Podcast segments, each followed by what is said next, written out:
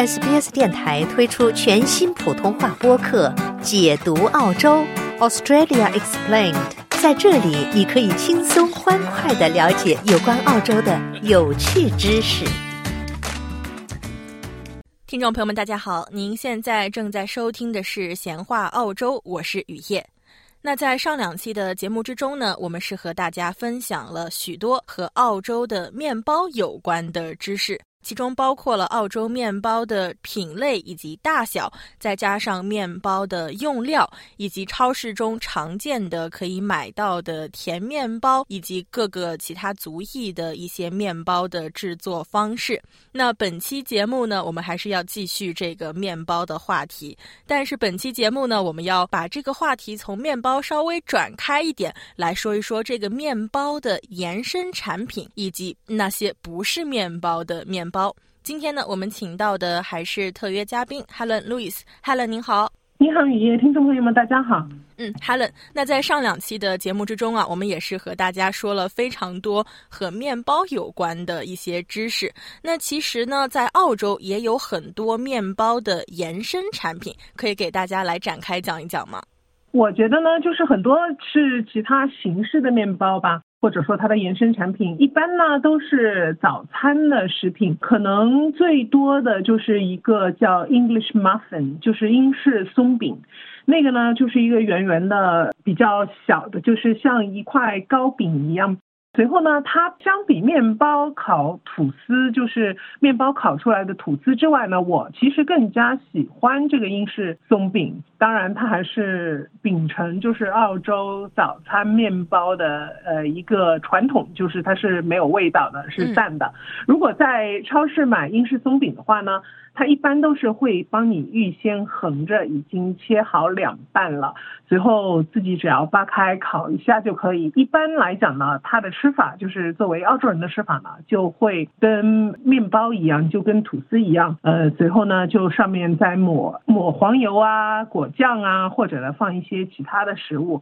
但是呢，我觉得大家可能对 muffin 最熟悉的应该还是麦当劳早餐里的 McMuffin，没错。最后，对它就是那个松饼里面加的嗯培根呐，或者呃香肠啊，或者煎蛋之类的。呃，接下来还有一个跟那个松饼比较像的呢，就是 Bagel，就是贝果。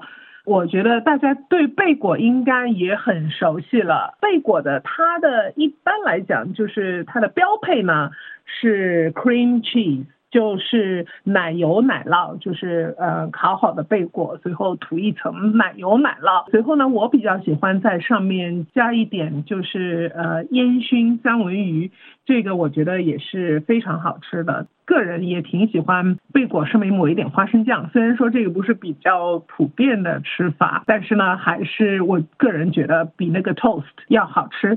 还有说到贝果呢，就是有一个大家看网球的可能会知道，就是呃网球里也会用到贝果这个词，就是 bagel。那就是说，如果呃一盘的比分是六比零的话，那么它就是一个 bagel，因为贝果的形状就是像一个零。嗯，听起来也是非常的有意思啊。那其实我跟 Helen 吃这个贝果的方式还是非常相似的，也是喜欢在里面加上一些烟熏的三文鱼。那 Helen 除了刚才我们说到的 muffin 以及 bagel 之外呢，是不是还有一些早餐上比较常见的一些面包，或者可以说是面包的延伸产品呢？其实还有很多，呃，我不知道大家有没有看到过，应该可以看到，因为这个呢还是挺普遍的。一个叫 crumpet，呃，就是烤饼，它是有一点点的淡淡的咸味。其实它比面包，我个人认为，我觉得比面包就是更加有一点咸味。它的形状呢，就是说你根本就是路过的话，肯定会吸引你的注意力，因为它呢一面是平的，另一面呢是呈蜂窝状的。我觉得这个形状呢，就有点，如果是上海人的话，上海说的方言好像有一种早餐小吃叫米饭饼，就是米饭饼嘛。因为我们用它来就是裹油条的，就与其是用大饼来裹油条，我们会用这个来裹油条。它里面呢也是那种蜂窝状的。一般来讲呢，我就烤完后就抹黄油跟蜂蜜，呃，我觉得挺好吃的。而且呢，很多澳洲人呢，他们澳洲人的心头大爱就是那个 Vegemite。呃，crumpet 抹 Vegemite 也是一种非常可以说是标配的吃法了。就像刚才说过，就是贝果 Bagel 的话，它又代表零，在网球里面它就代表零。Crumpet 呢，它这个词在英文里呢，它也有一种说法，就是它可以用来形容一个人。如果说我们形容一个女性的话呢，我们可以说这位女性呢是一个 thinking man's crumpet。如果是男性呢，那就是呃倒过来，就是我可以说这位男性呢是一个 thinking woman's crumpet。那这个用来是形容什么的呢？它其实是用来形容其貌不扬，但是呢却能用内涵来吸引异性的一个。的人士，其实这句话呢，直译就是说有思想的人心目中的烤饼，也就可见大家对烤饼的认识。因为大家一般就觉得 crumpet 呢是一种 comfort food，就是一种暖心的食物，吃的让大家觉得非常舒坦的食物。嗯，还有呢，就是呃，大家如果看美剧的话，也应该比较熟悉，就是 pancake。香港啊，就粤语的话就翻成班级，因为它是呃用粤语的发音去音译的。呃，如果大家看美剧的话，很多情况下呢，可能会发现 pancake 它是一种就是呃有仪式感的，就是一般周中的话不会去吃，周末呢大家聚在一起一起做 pancake，随后呢上面放很多水果啊，还有放一些其他的呃料啊，这样的话大家就作为一种周末早餐的一种仪式吧。对我自己来讲呢，我。其实我最爱的是，呃，其实也不是黑暗料理，因为我第一次接触到的时候呢，那个时候是黑暗料理。但是呢，现在吃的人其实很多了，就是用培根跟枫糖，加了培根，浇了枫糖一起吃，甜甜咸咸的，我就觉得特别的好吃。但是呢，作为 pancake 来讲，其实它的标配的确是枫糖。呃，还有呢，就是说到 pancake 话呢。那么就必须要说一下那个 parklets，parklets 呢其实就是小的 pancake，这个呢就是小孩子比较喜欢，因为它尺寸比较小。通常来讲呢，pancake 跟 parklets 现在呢也有，就是呃怎么说呢，就是现成的，大家可以去超市可以去买了，直接就呃可以食用的。这个呢就是省了早上的很多时间。但是呢，就像刚才说的，就是做 pancake 本来是一个全家聚在一起现做现吃的一种有仪式感的呃事情，所以呢，我觉得还是周中的不吃也无所谓，还是到周末大家作为一个。呃，一个家庭聚会这样一种情况来吃，我觉得也是不错的。嗯，听上去也是非常有家庭氛围的这样一种食物啊。其实我跟 Helen 是一样的，我在吃 pancake 的时候也是喜欢配上培根和枫糖，并且我在吃另外一种可以说面包的延伸产品 waffle 的时候，我还是会配上烤鸡啊，或者是鸡排来吃。可能在某些听众听起来是一个比较黑暗的料理啊，但是我觉得如果有兴趣的听众朋友们也是可以来尝试一下，因为其实味道真的是非常的好。对，那我也得去尝试一下，因为我对黑暗料理还是很有兴趣的。其实真的，呃，我一直认为就是什么东西好吃，什么东西不好吃都是因人而异的。只要你觉得吃的非常开心的话，那它就是一个非常好的食品。说起 waffle 呢，就是华夫饼呢。呃，在澳洲并不是特别流行，我觉得可能是在美国更加流行一点，因为很多家庭都会有一个做华夫饼的一个模具。但是呢，澳洲呢并不多，但是呢，的确是有人会这么去做。呃，大家呢也可以在超市呢找到就是现成的 waffle。呃，我觉得华夫它的好处呢就是它有那么多的凹陷，所以呢就如果在上面放一些料的话呢，就可以放很多。刚才在说一个呃 pancake 的时候呢，就让我想到就是还有一个叫 crepe，那就是法国。薄饼其实呢，它跟那个 pancake 呢是一样的，就是在平底锅上给摊出来的。但是呢，相比之下呢，它是不放膨化剂的。呃，因为 pancake 里面呢放的是小苏打，所以呢，这个法国薄饼呢就是 crepe 非常的薄。它呢，我觉得它的配方应该跟我们的煎饼果子差不多吧。但是呢，呃，如果去欧洲，法国也好，意大利也好，可以看到就是大街小巷有很多那种小的摊子，它就是做这个薄饼，随后呢上面涂 Nutella，可能就是最流行的、最受欢迎的一种吃法吧。我个人呢喜欢是 lemon sugar，就是浇柠檬汁，随后撒非常细的糖，我觉得这样的话，呃，非常好吃。还有呢，就是要跟大家。家说一下，就是 crepe，它这个拼呢是 c r e p e。如果你看到这个词呢，你可能会把它发音发成 creep。呃，这个呢就大家注意一下，就如果看到或者要跟朋友提起的话，就不要说这是 creep，因为 creep 呢是一个就是非常负面、非常可怕的那种人。所以就记住这个发音是 crepe。嗯，在日常生活中也是要多加注意啊，因为虽然只是怎么说一两个字母的差距，但是可能在有些人听来会感觉有些奇怪啊。那刚才呢，Helen 也是跟我们分享了一些澳洲早餐会常常吃到的那些其他形式的面包，或者是说面包的延伸产品。那如果您没有尝试过其中的某一类，或者是有这个想法想去尝试其中的某一类的话呢，也是可以去超市中去找寻类似的商品。那 Helen，除了我们刚才说到的这一些其他形式的面包，以及面包的一些延伸产品，其中大多数是早餐的时候来食用的。那是不是也有一些名字中含有面包，但是却不是面包的面包呢？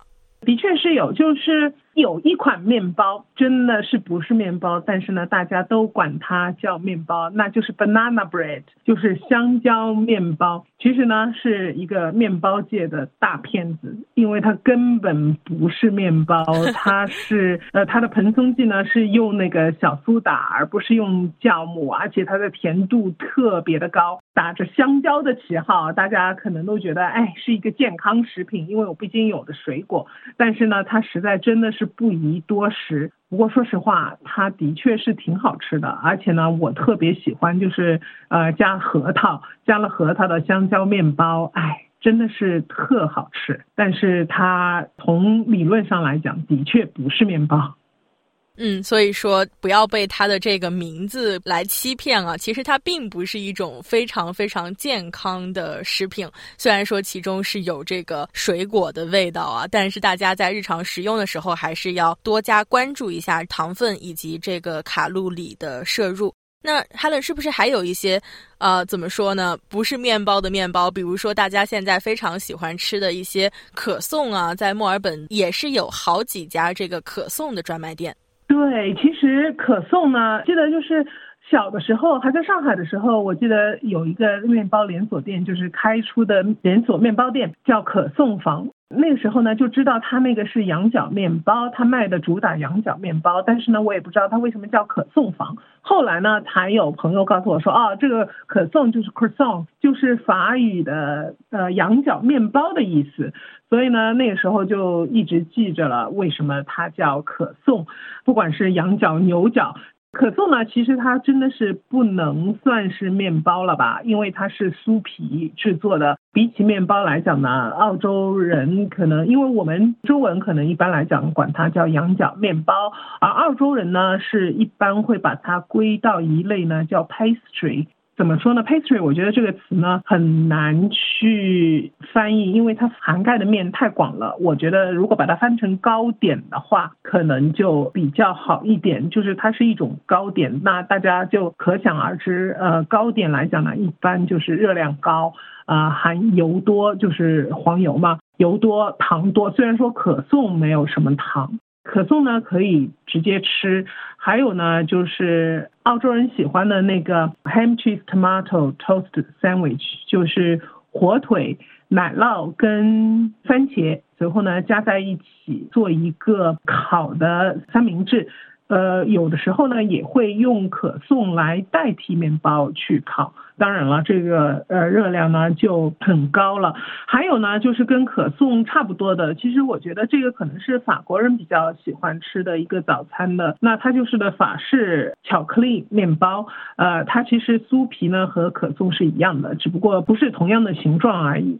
呃，还有呢，大家可以看到很多叫 Danish pastry，呃，这个呢就是刚才我说的那个 pastry 那个词，就是糕点。其实呢，澳洲人就是把它就称为丹麦糕点。但是呢，他们也会就直接把它简称为 Danish，他把那个糕点那个词呢就去掉了。这个呢一般会加一些就是水果或者呢果酱。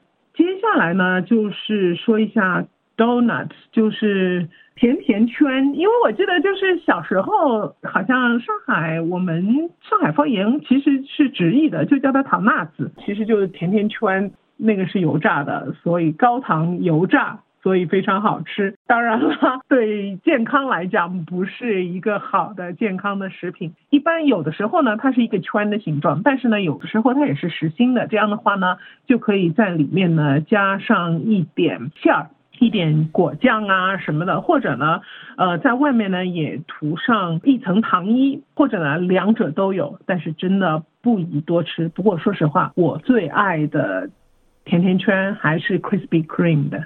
嗯，我最爱的甜甜圈就是 Krispy Kreme 的最经典的一款啊，就是上面带着糖霜的那一款。对，但是目前呢，我在墨尔本也是看到了非常多的创新甜甜圈，也是会跟它把这个火腿啊，或者是跟其他的一些呃肉类啊来一起搭配来食用。听上去是不是也是非常黑暗呢，听众朋友们？但是真的真的，但是其实如果您是愿意去尝试的话，说不。定可以在其中去找到别样的美味。我就是在一个肉味儿的甜甜圈之中吃到了一个非常惊喜的味道，也是推荐大家可以在去探店的时候去尝试找一找有没有类似的甜甜圈。那 Helen 是不是在我们这个澳洲的市面上还有一些常见的可以说不是面包的面包呢？还有一些呢，呃，大家可能可以在澳洲的面包房里、烘焙房里可以看到。其实呢，它本身它的基底呢是面包，就比如说，不知道大家有没有看到过，比如说手指面包啊，就是它是一个长条的面包，其实就是有一点像 Subway 的那一种，呃，就是我们可能之前一期提到过的那种长的那个 roll 吧。但是呢，它会在上面涂一层糖衣，随后呢撒上一些椰丝，或者呢就是 hundreds and thousands，这个呢就是糖的五颜六色的小的糖粒。这个呢其实就是作为孩子们他们比较喜欢吃吧，因为他们觉得就是甜甜的，呃，而且呢看上去比较赏心悦目。但是呢，当然对对健康来讲也不是一个健康食品。呃，还有呢，就是有一种面包，大家可以看到有一个叫 Boston Bun，那个呢叫波士顿面包，它呢其实的确就是基底来讲呢是一种面包，它是面包的传统制作工艺。随后里面呢会放一些果干之类，随后呢在上面放一层糖衣，再撒一点那个椰丝。我之所以提到那个波士顿面包呢，其实波士顿面包并不是源于波士顿。它是属于澳洲的产品，跟波士顿是无关的。还有呢，大家可能会看到一些就是裹着核桃仁呐，或者裹着干果的一些面包，最后呢上面涂一些糖衣啊。这些呢主要是在喝上午茶、下午茶的时候，那么他们通常呢会切片来吃。还有一些有的时候呢，还有一些是咸的那个面包，比如说在 Baker's Delight，它有那种。辫子面包一样，但是呢，它是那个咸的，它里面呢会加一些呃飞塔奶酪啊、菠菜啊，或者呢就小葱姜蒜呐，这个呢也是，所以这些呢其实从基底来讲都是面包，但是呢它加了一些不同的呃馅料，有的时候就反而变得呃可能没有面包那么健康吧，但是好吃还是挺好吃的。嗯，看来这个澳洲市面上不是面包的面包的种类也是非常的多种多样啊，那也是给了我们的听众朋友们非常多的探索的空间。那我们也是欢迎您去关注我们闲话澳洲的文章，可以在其中找到更多有关于澳洲不是面包的面包以及一些面包延伸产品的相关的知识。那今天呢，也是非常感谢 Helen 带来的有关面包的分享。那希望在这几期的节目之中呢，大家也是对澳洲的面包市场啊有了一个更加全面的了解。谢谢 Helen，谢谢也谢谢听众朋友。了解澳洲，融入澳洲，欢迎登录 sbs 点 com 点 au 前斜杠 language 前斜杠 mandarin，获取更多澳大利亚新闻和资讯。